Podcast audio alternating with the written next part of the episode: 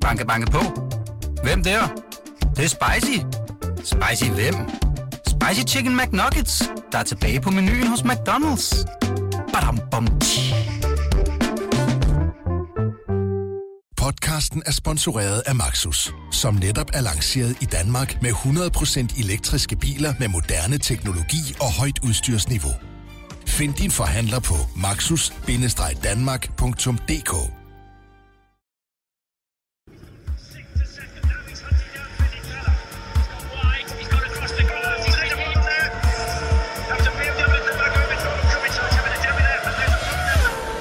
Rigtig hjertelig velkommen indenfor her i studiet hos BT. Du lytter til K-Magazine. Det er BT's podcast om Formel 1. Og mit navn, det er som sædvanligt Stine Braunschweig. Og i dag, der er det mig en fornøjelse at byde velkommen til et nyt medlem i K-Magazine-familien, nemlig journalist Mikkel Bakker. Tak. Velkommen til, Mikkel. Tak for det. Jamen, øh, det er jo helt, øh, det er helt mærkeligt at lige pludselig at sidde og have en, øh, en helt ny stemme her i, øh, i studiet, men alt andet lige en fornøjelse at have dig med. Mikkel, øh, det kan godt være, der sidder folk derude, der tænker, hvem er det her? Ja, og det kan man godt forstå. Ja, så vil du ikke lige... tit. Øh, Jo, øh, altså jeg er jo, øh, jeg er jo journalist på Danmarks Radio, hvor jeg også er radiovært, og har tidligere været vært på øh, det sportsprogram, der hedder Liga øh, på P3, og har interesseret mig for motorsport i rigtig mange år efterhånden. Og i særdeleshed Formel 1. ja, kan du ikke lige fortælle, fordi hvad er det egentlig, Formel 1 er for en størrelse for dig?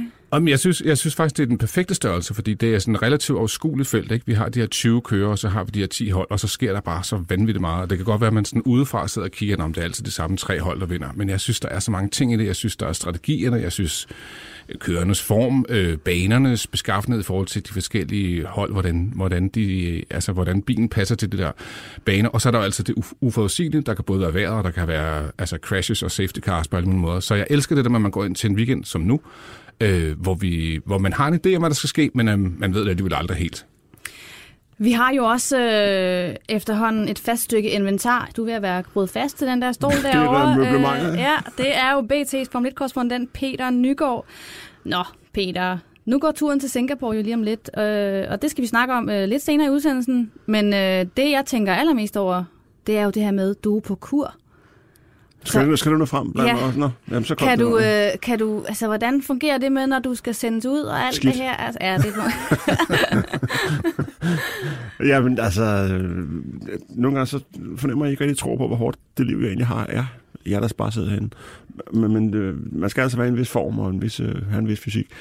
Og derfor har jeg taget sådan en udrensningskur en gang øh, hver, hver halve år. Den er sådan lidt i gang med i øjeblikket, men den er sat på pause nu, fordi den er umulig at overholde, når jeg er på, øh, på rejse. Som, nu skal vi først Singapore og så Rusland lige efter. Og det der rødbedesup, det er henne i Rusland, det passer ikke helt ind i kuren. Nej, det, det kan jeg forestille mig. Uha. Der, du må opleve mange, mange forskellige skønne Mange kulinariske... forskellige øh, kulinariske udfordringer, Ja. lad os sige det sådan. Lige om lidt, der sætter vi masser af fart på dagens udsendelse. Velkommen til alle jer, der lytter med. Well, now, James, they've changed the regulations concerning the airboxes and the wings, and yet you're still extremely fast. How do you do it? Big balls. Og dagens første emne, ja, nok snarere mand, vi skal tale om.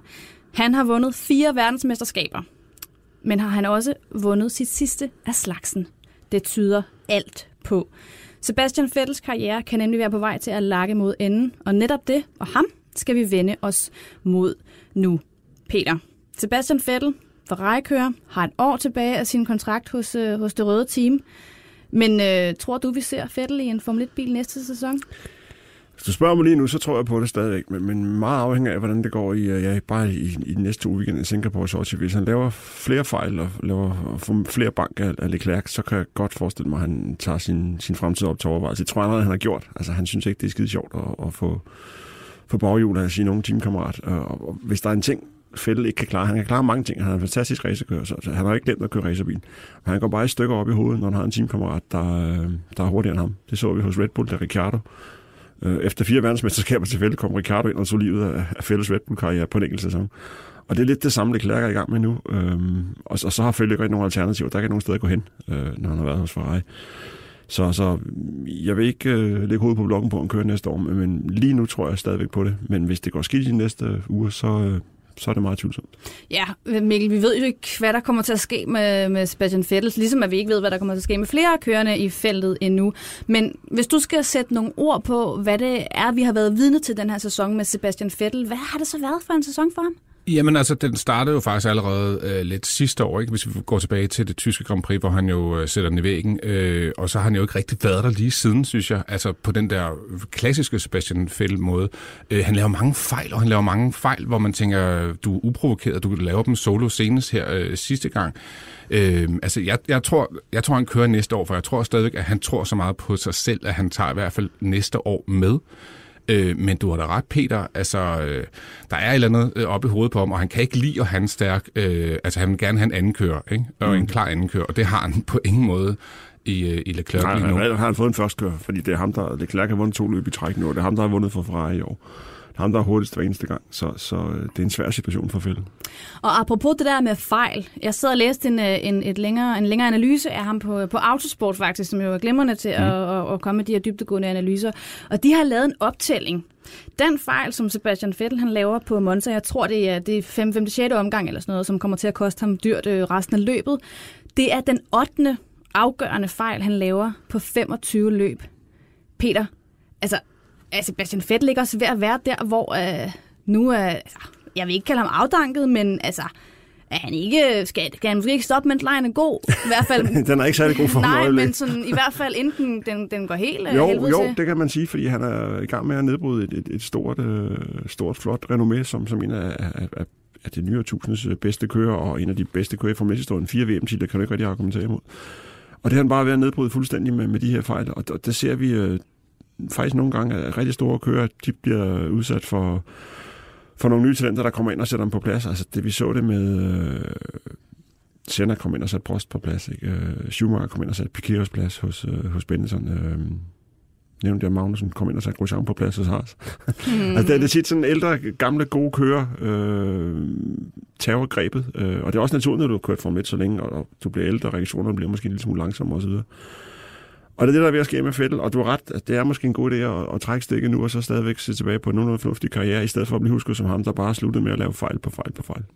Der var også den her kommentar øh, i Autosport fra Ed Straw, der, øh, der blandt andet skrev, at øh, historien fortæller, at Sebastian Vettel er fire gange verdensmester, og de succeser kan ikke tages fra ham, men han opfører sig ikke som en verdensmester, og har ikke gjort det det seneste år. Mikkel, Sebastian Vettel som karakter og type kontra de nærmeste konkurrenter, han har. Altså, køber du ind på det her, øh, den her... Det, Ja, ja. Jamen, det ved jeg ikke rigtig, man gør. Så man kan sige, at hans nærmeste konkurrenter er jo selvfølgelig, nu kan man sige, i Ferrari-holdet har han jo den her unge og opkoming, og det kan han ikke lide. Men hvis man kigger på ham og Hamilton, så kunne de jo ikke være mere forskellige. Øh, altså specielt uden for banen. Ikke? Altså vi ved jo nærmest ikke noget om, hvad Sebastian Vettel han foretager sig, hvorimod at øh, vi ved alt og også ja. Alt for meget om, om Hamilton. så han er, jeg vil faktisk kalde ham, han er sådan en old school kører. Ikke? Altså han sætter sig ned i sin bil, og så kører han, og når weekenden er slut, så forsvinder han et eller andet sted. Og han har heller ingen sociale medier som den eneste kører, tror jeg. Øh, jeg, jeg kan ikke forestille mig, at der er andre, som heller ikke har nogen sociale medier. Så han er sådan, han er meget sådan, om nu sætter man ned, det er det her, jeg taler om, det er det her, jeg vil, og så er det det eneste, vi ligesom hører til ham. Øhm, altså, jeg tror ikke, han er færdig. Jeg tror, han er dybt, dybt frustreret, men jeg synes, vi så der i Canada, altså hvor meget han ville vinde, ikke? og det der med, at han går og hen og, og flytter rundt på skilten og sådan noget. Altså op i hovedet, der tror jeg stadigvæk, at han tror på det rigtig, rigtig meget. Det er også derfor, jeg tror, at han, han tager næste sæson. Men hvis han bliver knækket allerede i starten næste sæson, så tror jeg måske også, at han tænker, ah, så var det det. Ja, Peter, jeg tænker jo også selvfølgelig, altså hvis vi nu forestiller os, at der er noget, der tyder på, at han tager næste sæson med for Ferrari, alt afhængig af, hvordan det selvfølgelig udspiller sig her i efteråret. Hvad så efter der? Altså, tror du så, at han fra start af nærmest lægger op til, nu bliver det her min sidste sæson? Eller kunne vi se uh, Sebastian Vettel lave en Kimi og øh, køre for et mindre team? Nej, det tror jeg ikke. Øh, jeg, jeg tror, at Vettel er sidste station hos, øh, eller Ferrari er sidste station for, for Vettel i Formel 1.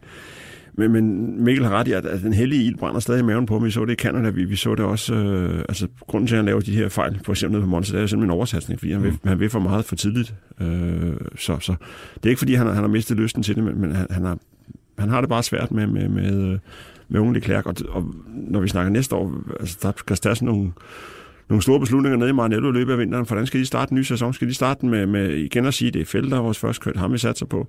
Eller skal de helt åbenlyst sats på ham, der er den hurtigste, og for det er Leclerc, og det er ham, der kører VM på ind i øjeblikket. Så, så, og det vil også være noget, som fælles skal tage stilling til.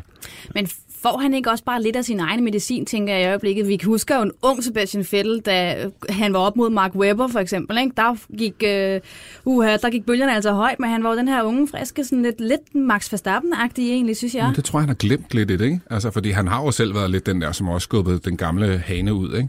Øh, og det, det tror jeg ikke. Jeg ved, jeg ved ikke, om han... Øh, altså, han virkede også, som om han var tydeligt frustreret over kvalifikationen øh, i Monza, hvor han snakker om, at Leclerc skulle, øh, skulle givet ham det her tog, ikke, som han ikke gjorde. Øh, og så kan man selvfølgelig sige, at hele kvalifikationen var noget rod. Havde han startet forrest, så var det måske også blevet et hen alle løb, og havde han vundet den der på Monza, så havde vi måske ikke haft den her snak nu. Ikke? Ja, der er også nogle små øh, ret væsentlige detaljer, der bare gør, at han også han har ikke haft sæsonen, og ja, det sidder op i hovedet på ham, men jeg tror ikke, han er knækket helt endnu. Nej, nej, han, han er ikke knækket. Han tror stadigvæk på det. Men, men for at trække snoren tilbage til øh, situationen hos Red Bull med, med Weber, der, der er altså den markante forskel, at der var det Fettel, der havde teamets opbakning 100 procent. Øh, og, og selvom Weber var den ældre og mere erfarne kører, ja. så, så var, det, var, var det ham, der skulle der blev sat på plads af teamledelsen og Christian Horner, og så, så Fettel, der skulle føres frem. Og, og, og det er en lidt en anden situation, han har nu, for nu, nu Ferrari, de, øh, de er nødt til at tænke på fremtiden. Fettel har jo ikke mange sæsoner foran sig, bare alene på grund af sin alder. Så de er nødt til at køre Leclerc i stilling, øh, og det, det sker så på bekostning af, af Fettel.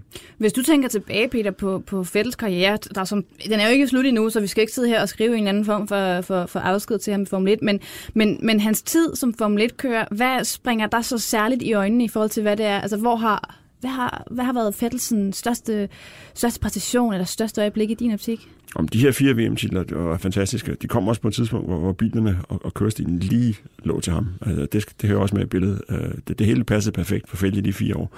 Men det, jeg husker ham bedst for, uh, det er simpelthen at komme ind i Formel 1 som, som en, en glad dreng, der nu sammenligner vi ham lidt med, med Hamilton før. Det er rigtigt, der er himmelvid forskel på dem øh, sådan ud af til, men inde i paddocken, der, der er det jo Fettel, der er den, den, den sjove og den, den, den hyggelige, og ham man snakker med. Sådan underspillet humor også, Ja, og, og ja, han har masser af humor, ikke? og det skal man jo ikke beskylde Hamilton for. Han, altså, nej, nej. han har jo ikke været den sjoveste.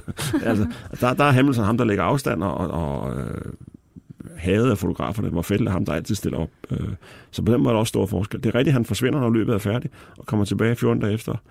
Øhm, og det er hans måde at gøre det på, hvor, hvor Hamilton han skal lige omkring Los Angeles og spille noget musik og møde nogle fotomodeller, og så kan han køre raceløb igen. Lancere noget tøj og sådan noget, ikke? Ja, lancere ja. noget tøj. Det, er der, jeg ved ikke, hedder det tøj stadigvæk det? men, men det fungerer bare for ham, og de er bare vidt forskellige. Mm.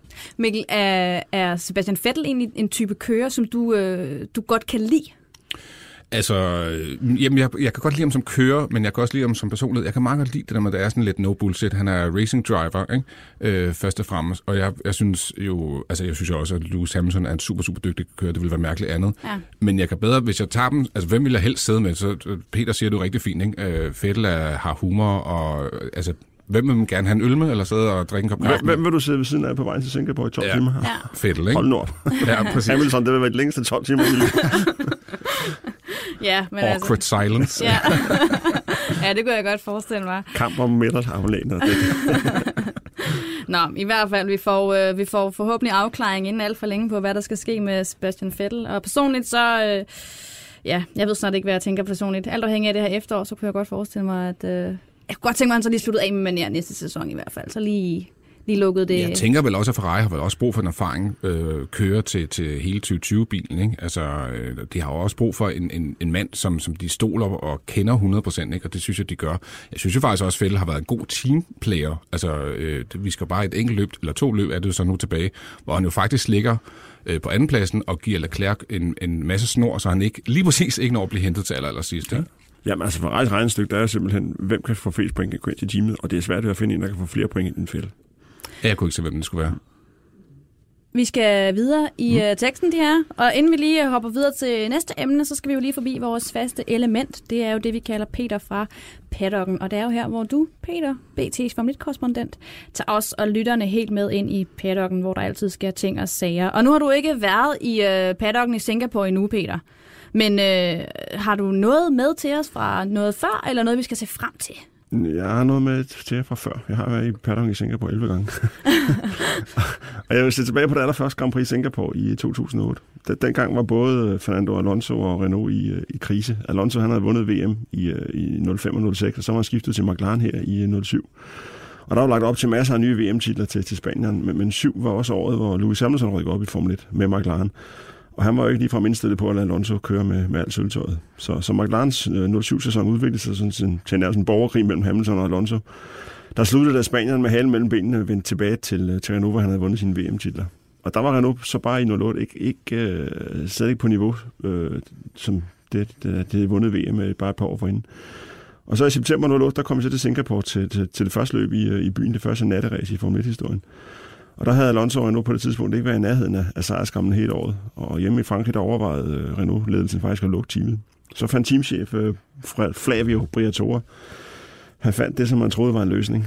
Briatore, han var sådan en farverig person, der havde solgt masser af t-shirt hjemme i Italien, inden han blev indsat som, øh, som chef for, for det Formel 1-team, som Benetton havde i 90'erne. Og tøjkoncernen arbejdede tæt sammen med Renault, og så avancerede Briatore til, til posten som Renaults Formel 1-chef. Og han gjorde det også godt, øh, for eksempel med Alonso's VM-titler. Men der var aldrig tvivl om, at, at for Briatore, der var det altså vigtigt at vinde end overholde reglerne 100%, og det understregede han så i, i Singapore 08.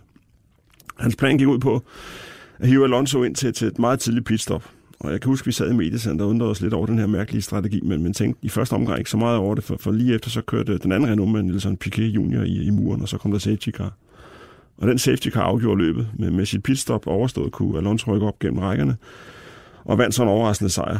Øh, så skete der det et års tid senere, så fyrede Briatore Piquet Junior, og så kom balladen. Piquet Junior, han synes jo ikke længere, at han skyldte øh, sin tidligere teamchef noget, og han afslørede så, at han faktisk havde fået besked på at køre i muren i Singapore og udløse den der safety car periode, som, som sikrede teamkammerat Alonso sejren. Det var en genial plan, indtil Piquet afslørede den. og FIA slog hårdt ned på den, øh, der om på, på det, som omgående blev kendt som, som Crashgate. Briatore forlod Renault-teamet efter kort tid af den allerbærste bagdør og blev idømt en livsvarig karantæne. Øh, teamets hovedsponsor, en hollandsk bank, sluttede samarbejde med omgående virkning. Piquet var færdig som Formel 1-kører. Og Alonso, han hævdede, at han ikke kendte noget som helst til planen og slap for straf. Samtidig fik han så tilnavnet Teflon, for der er ikke noget, der klæber til ham.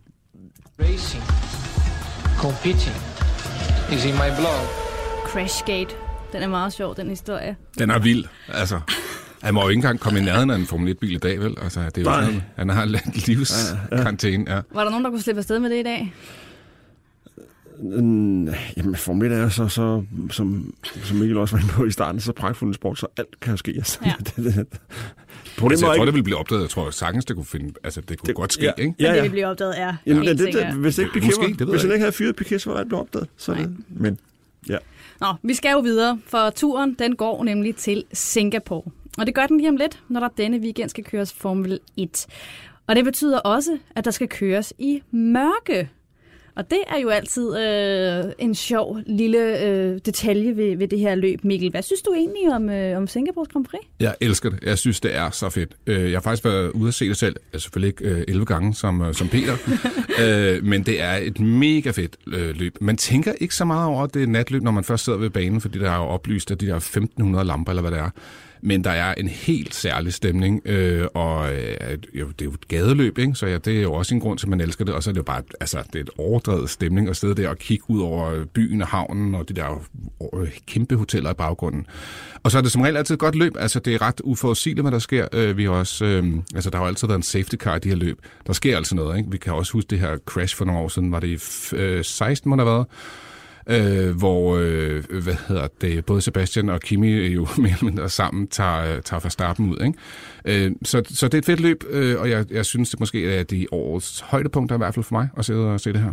Peter, hvad kendetegner banen i Singapore?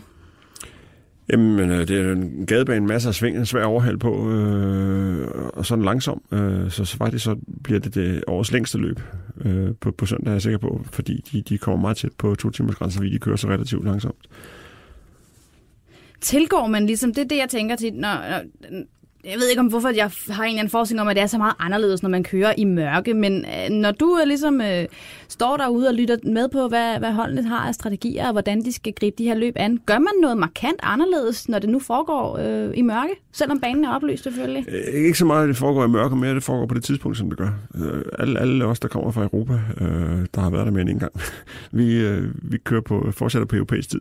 Så, så vi øh, bliver op til kl. 3-4 stykker om, om, om natten, og sover til middag, øh, og, og så, øh, så er vi klar, når, når tingene sker. Allermest for kører og mekanikere selvfølgelig, men også for os journalister. Vi, vi, vi skal arbejde til løbet slutter klokken, klokken 22, så vi skal arbejde typisk til klokken øh, 3-4 stykker om natten. Og så den måde at gøre det på, det betyder også, at vi slipper for jetlag. Altså vi kommer hjem på, på tirsdag uden at være, være stort set jetlagget. Så, så det skal man tage højde for. Man skal sørge for at finde en hotelværelse, hvor, hvor der er mørklædningsgardiner, og hvor der er ro på, på, på gangen ind til, til, middagstid, hvor man står. Og noget, der og nok også skal tages højde for, det er jo det her med luftforureningen i Singapore. Den er jo... Øh, den er ikke skide god. Øh, lad, os bare, lad os bare sige det sådan. Øh, jeg læste øh, her i går, at, øh, at der faktisk bliver taget nogle, nogle forholdsregler i forhold til, at, øh, at det ser ikke helt godt ud med, med det her PSI-niveau, øh, som er noget med noget lufttryk og et eller, et eller andet. Peter, har du erfaring med det her med, med luftforureningen i Singapore, øh, nu hvor du har været afsted øh, Ja, mange jeg tror, gange? det, det er tre eller fire år siden, hvor det var rigtig slemt, altså også værre end det er, ser ud til at blive i år. Øh, og, og det skyldes, så vidt jeg har forstået, nogle, nogle, nogle skovbrænde, eller de brænder nogle plantager af oppe i, i Malaysia, så hvis vinden går den forkerte retning, så kommer lige en overhænger over, over Singapore. Jeg synes, altså, selvom vi snakker meget om det dengang, jeg synes ikke, at jeg mærker så meget til det. Øhm, så jeg er spændt på, hvad, det, hvad, hvad det, det er kommet ud i morgen. Ja, og det skulle algiveligt heller ikke have den helt store indflydelse på hverken løbet eller på kørendes helbred, heldigvis øh, selvfølgelig, eller for dem, der måtte, måtte rejse med. Mikkel, hvem, nu siger du, det er et højdepunkt for dig, Singapore, mm. ikke? Jo. Hvem har du øh, så egentlig mest fidus til på den her bane? Øh, altså, øh, hvem jeg tror, der kan blive afgørende på søndag? Ja. Jamen altså, selvfølgelig er Mercedes jo øh, klare fav- favoritter i til deltid øh, Hamilton. Selvom jeg også godt kunne forestille mig, at Bottas efterhånden snart er, godt kunne tænke sig at vinde igen. Men altså, så skal vi jo også huske, at Max Verstappen forhåbentlig kommer at spille igen øh, i den her weekend. Det kunne jeg godt se både, altså jeg vil elske, fordi jeg kan godt lide tanken om, at der er andre end Mercedes, der vinder, men også fordi, at det er en, en bane, hvor, øh, hvor han jo faktisk ikke har vundet nu, øh, og han kunne godt, altså det, det kunne godt ligge til ham, og i særdeleshed til Red Bull. Peter Max Verstappen, et godt bud? Ja, absolut. Det var som jeg vil fremhæve. Øh, Det var da heldigt. ja, så er vi enige igen. Så er vi enige igen, Øh, ja. men, men jeg synes, Mercedes har traditionelt haft, øh, haft det svært i, i Singapore. Øh, Ferrari har traditionelt haft det godt i Singapore, fordi de, de har en, en designfilosofi med, med, en, øh, med en relativt kort bil eller kort akselafstand, så det er nemmere at få rundt i alle de her sving, øh, hvor, hvor, hvor Mercedes har tit haft fordelen på, på de der high-speed-baner. Men det er vel lidt rundt i år, fordi nu er Ferrari jo lige kommet, kommet til Singapore med to high-speed-baner i, øh, i bagagen med sejre til, til Leclerc, så jeg er spændt på, hvordan det er. Men jeg tror faktisk på, at, øh, at Verstappen er, er en rigtig god, øh, jeg vil ikke engang sige outsider, jeg, tror næsten, jeg vil heller ikke kalde ham favorit, men han har i hvert fald blandet sig langt mere, end han har gjort i de sidste par løb. Og ingen K-Magazine, uden at vi selvfølgelig lige nævner Kevin Magnussen, der jo selvfølgelig også skal i aktion øh, på søndag. Peter, det, det er jo selvfølgelig enormt svært, det er næsten umuligt at kunne sige noget om, om Haas og Kevin Magnussen, og hvordan de, øh, de, de vil præstere i et løb. Fordi vi ved, de har så, så store problemer med den her bil. Men ud fra det, vi har set tidligere fra Magnussen på, øh, på banen i Singapore, er det så en bane, han er, han er tryg ved? Er det en, han øh, godt kan lide? Ja, han elsker banen, han elsker bybaner, og kan godt lide, at barrieren står lige op af, af asfalten, så, så, så der kommer de her konsekvenser, han, han snakker om, hvis man laver en fejl. Så på den måde vil den passe godt til ham. Øh, og den passer til Harsbilen, det er der ingen, der ved. Det- det ved vi ikke Vi rigtigt. får en indikation af det søndag eftermiddag, eller søndag aften af det her efterløb. Øh, Kevin, øh, en af hans bedste omgang i år, kom jo under kvalifikationen ned i Monaco, som er en bane, der minder en del om, om, om, øh, om Singapore. Så jeg kan godt forestille mig, at han hiver en, en stærk kvalifikation ud af ærmet, og så er det altså langt nemmere i Singapore at forsvare en, en, en god startposition, end det har været i de to sidste løb, hvor han bare faldt ned igennem feltet, fordi de bare kørt, nærmest kørt forbi, og det var ikke overhældinger, det var bare forbikørsel. Så en god kvalifikation, og så forsvare sig øh, et langt stykke af vejen, og så faktisk håbe på, at der ikke kommer safety car, der, der mixer feltet op. Det, det er måske øh, den, den største forhåbning om, om point til, til Kevin. Men det bliver svært. Mikkel, øh, jeg antager selvfølgelig, at du har hørt øh, meget nøje med i vores podcast. Sådan, Korrekt, ja. Øh, og vi har jo snakket rigtig meget om, om Haas og Kevin Magnussen og de her voldsomme udfordringer, de har haft med, med deres bil. Hvad, sådan, nu, har, nu er du helt ny her i, mm. i studiet selvfølgelig. Hvad, hvad gør du der umiddelbart af tanker om alt det, der, der foregår hos Haas og den bil i øjeblikket? Jamen, ja, det må være så frustrerende, ikke? fordi de har jo faktisk en hurtig bil. Vi kan jo se det, når der er kvalifikation, så er de jo faktisk med næsten, i hvert fald tæt på top 10, hvis ikke inde i top 10. Men de kan jo simpelthen ikke få de der dæk til at fungere. Om det er det ene eller det andet dæk, eller det tredje dæk, der er bare altid et af dækkene, som aldrig fungerer for dem. Og jeg tænker, du har også nævnt det flere gange her, Peter, det er jo fordi, de har jo ikke, de har jo ikke altså ressourcerne til at forstå dækkene. Og det er jo, det er jo ikke kun haster, der, bøvler med øh, dækkene, det er jo bare dem, der bøvler mest med dem. De andre forstår dem jo heller ikke nødvendigvis øh, lige så, øh, så godt, som de gerne ville. Øh, jeg håber, at øh, de dæk, som Pirelli kommer med 2020, bliver lidt nemmere for, for, for holdene at afkode, fordi det er så...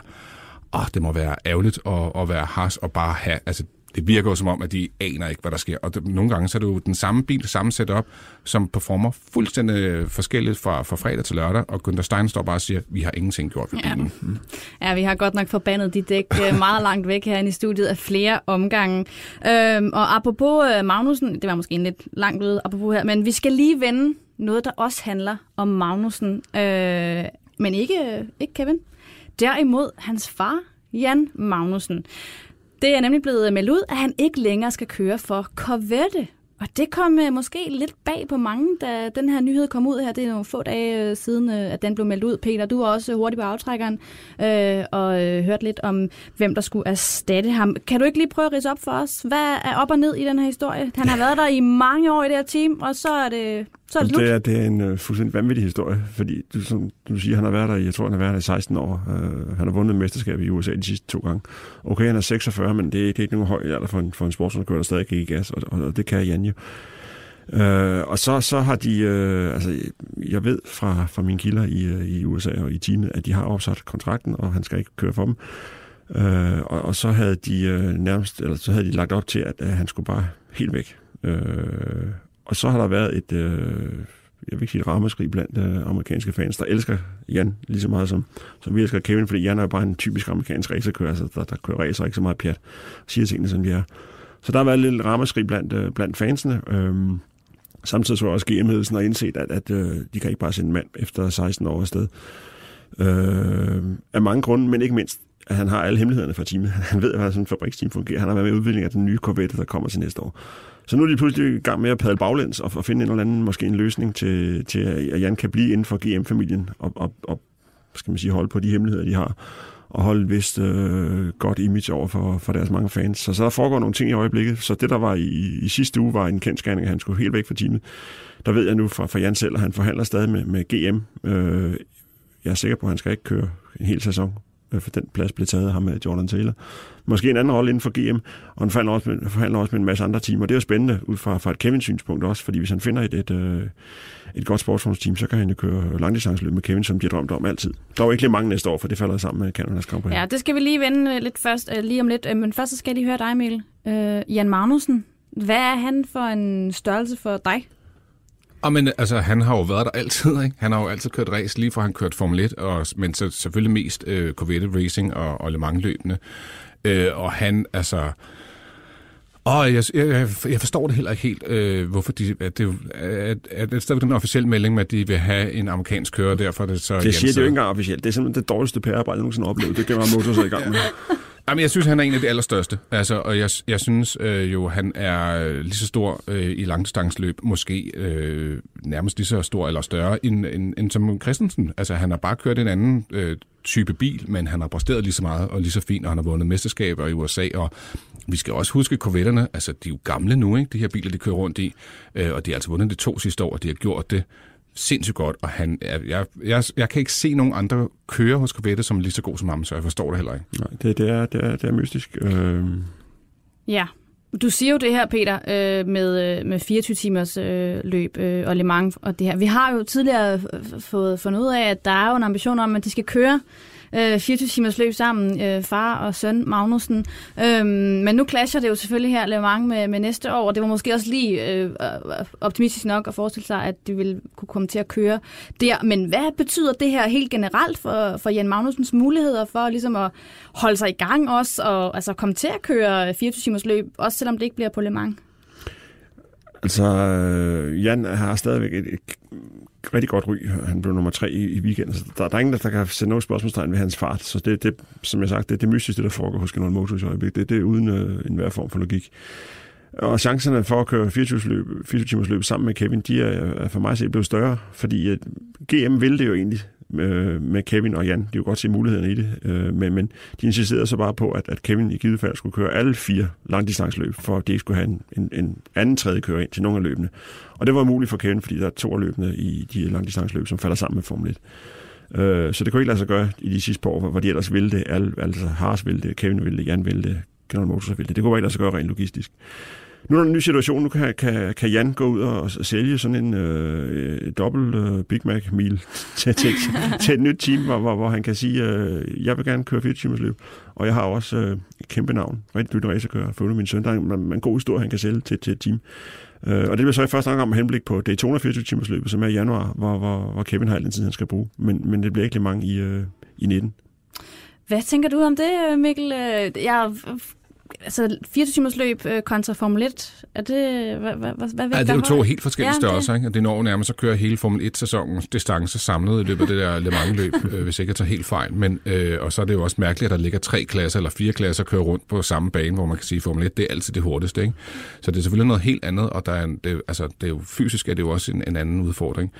Øhm, men jeg ved jo, som, som, som du også siger, Peter, de har jo talt om det længe, og jeg har også altså, selv talt med dem om, at det der med, at, at de vil gerne køre det sammen, og jeg vil elske at se dem sammen. Mm. Altså, det kunne være så fedt, men jeg har svært ved at se, hvilken klasse nødvendigvis de vil køre i.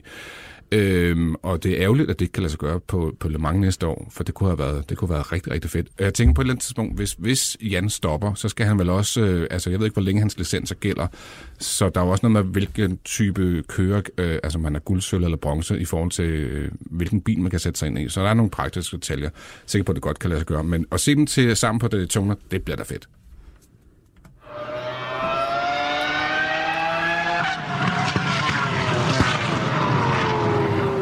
Inden vi lige skal runde af for i dag, så skal vi selvfølgelig lige forbi vores faste element, det vi kalder for pole eller pit. Og det er jo her, hvor mine to gæster får til opgave at fælde dom over noget i den store Formel 1 og eller motorsportsverden. Og øh, Mikkel, jeg spørger altid mine gæster, om de har lavet lektier. Mm-hmm. Har I det i dag? Jeg tror, jeg har prøvet at lave lektier i hvert Ja. fald. Peter, du er jo den Du pligtopfyldende... prøver ikke at spørge, men nu har jeg fået en ny elev i klassen, der Jamen, ligesom det er det. truer min position, Ja. kan jeg godt høre. Ja. Fedt røv, ja. Ja. Øhm, først skal jeg lige høre, har I noget med til begge dele? Ja. Naturligvis. Ja, det er godt. Okay, jamen øh, Mikkel, du får simpelthen lov til at starte. Hvad Ja. vil du gerne starte med? Øh, jamen, så tror jeg faktisk, jeg vil starte med pole, og der skal vi faktisk et år tilbage, fordi øh, nu spørger jeg lidt ledende, men altså, øh, banerekorden i Singapore, den er jo sat af Kevin Magnussen sidste år. Uh. Så det er også lige for at kigge med Kevin-fladet her ikke? Ja. i programmet. Så, øh, så det synes jeg er klart. Øh, det kan godt være, at han havde et besværligt løb og sluttede langt ned i rækken, men han satte altså faktisk øh, banerekorden, og den står der stadigvæk. Vi må se, om den også står der søndag aften, men øh, det er tvivlsomt. Ja, det, det synes jeg, det, det er et godt lille kip med, med det danske flag her. Øh, Peter Nygaard, vil du følge trop med din pole? Ja, men jeg ved ikke rigtig, om det er en pole eller en pit. Nu vælger vi at sætte den på pole ud en positiv tilgang, som vi jo har til, Okay. til materialet jo. jeg vil sige, arrangøren i Singapore, du har næsten været inde på, der har taget luften lidt ud af det, jeg vil sige. Men, men beklager. der er deres, øh, den der luftforurening øh, fra de her skovbrænder og så videre. Men arrangøren har faktisk indkøbt et kæmpe lager af sådan nogle øh, malermasker, eller hvad skal hedde det, luftfiltermasker, Ja, ja. Øh, som, som bliver uddelt til tilskuerne, hvis det bliver helt slemt. Så det synes jeg, det er, det er en fin måde at være proaktiv på, på det, der kunne blive en, en krise. Ikke? Jo. Ja, det, er jo, altså, det, det synes jeg bare, du skal tage alle de forholdsregler, du kan, og på med den øh, Jeg prøver igen på onsdag med maske måske. Ja. ja, med maske. Nå, skide godt. Skønt selvøjeblik. Mikkel, øh, vi skal have øh, din pizza. Ja, jamen det må, så skal vi jo tilbage til sidste løb af Monza, og hele øh, altså kvalifikationen Q3 var jo det største rod. Jeg, jeg kan ikke mindes, at jeg har set noget så amatøragtigt, Nej. hvor øh, jo de her ni biler fjoller rundt, og kun én kom over stregen i tide og sådan noget. Ikke? Det, var, det var virkelig dumt. Ja, det var godt nok tåbeligt. Alle, alle, også alle reaktionerne efter løbet, også bare, alle kørende var sådan, der var ingen, der, var ingen, der ville tage til den, selvfølgelig. Nej, men det var... Så bliver jeg det bare- Ikke, jeg ved ikke, hvad det var. De, de burde skamme sig alle sammen. Ja, det, det er jeg meget, meget enig i. Peter, skal vi slutte på en negativ note hos dig? Ja, Perfekt. selvfølgelig. Den sure gamle mand. Jamen det er, jeg var inde på det før, det er General Motors behandling af Jan Magnussen, øh, og lade ham hænge på den måde, og sådan behandler man altså ikke en loyal medarbejder gennem mere end 16 år. Det er sådan en skandal. Ja, det vil jeg gerne give dig ret i. Og dermed, de her, så er vi også ved vejs ende i denne udgave af K-Magazine. Husk, at du kan finde vores podcast på bt.dk, eller der, hvor du nu engang lytter til din podcast. Tilbage er der bare at sige Peter Nygaard, Mikkel Bakker, tusind tak, fordi I var med. Og til alle jer derude, vi høres.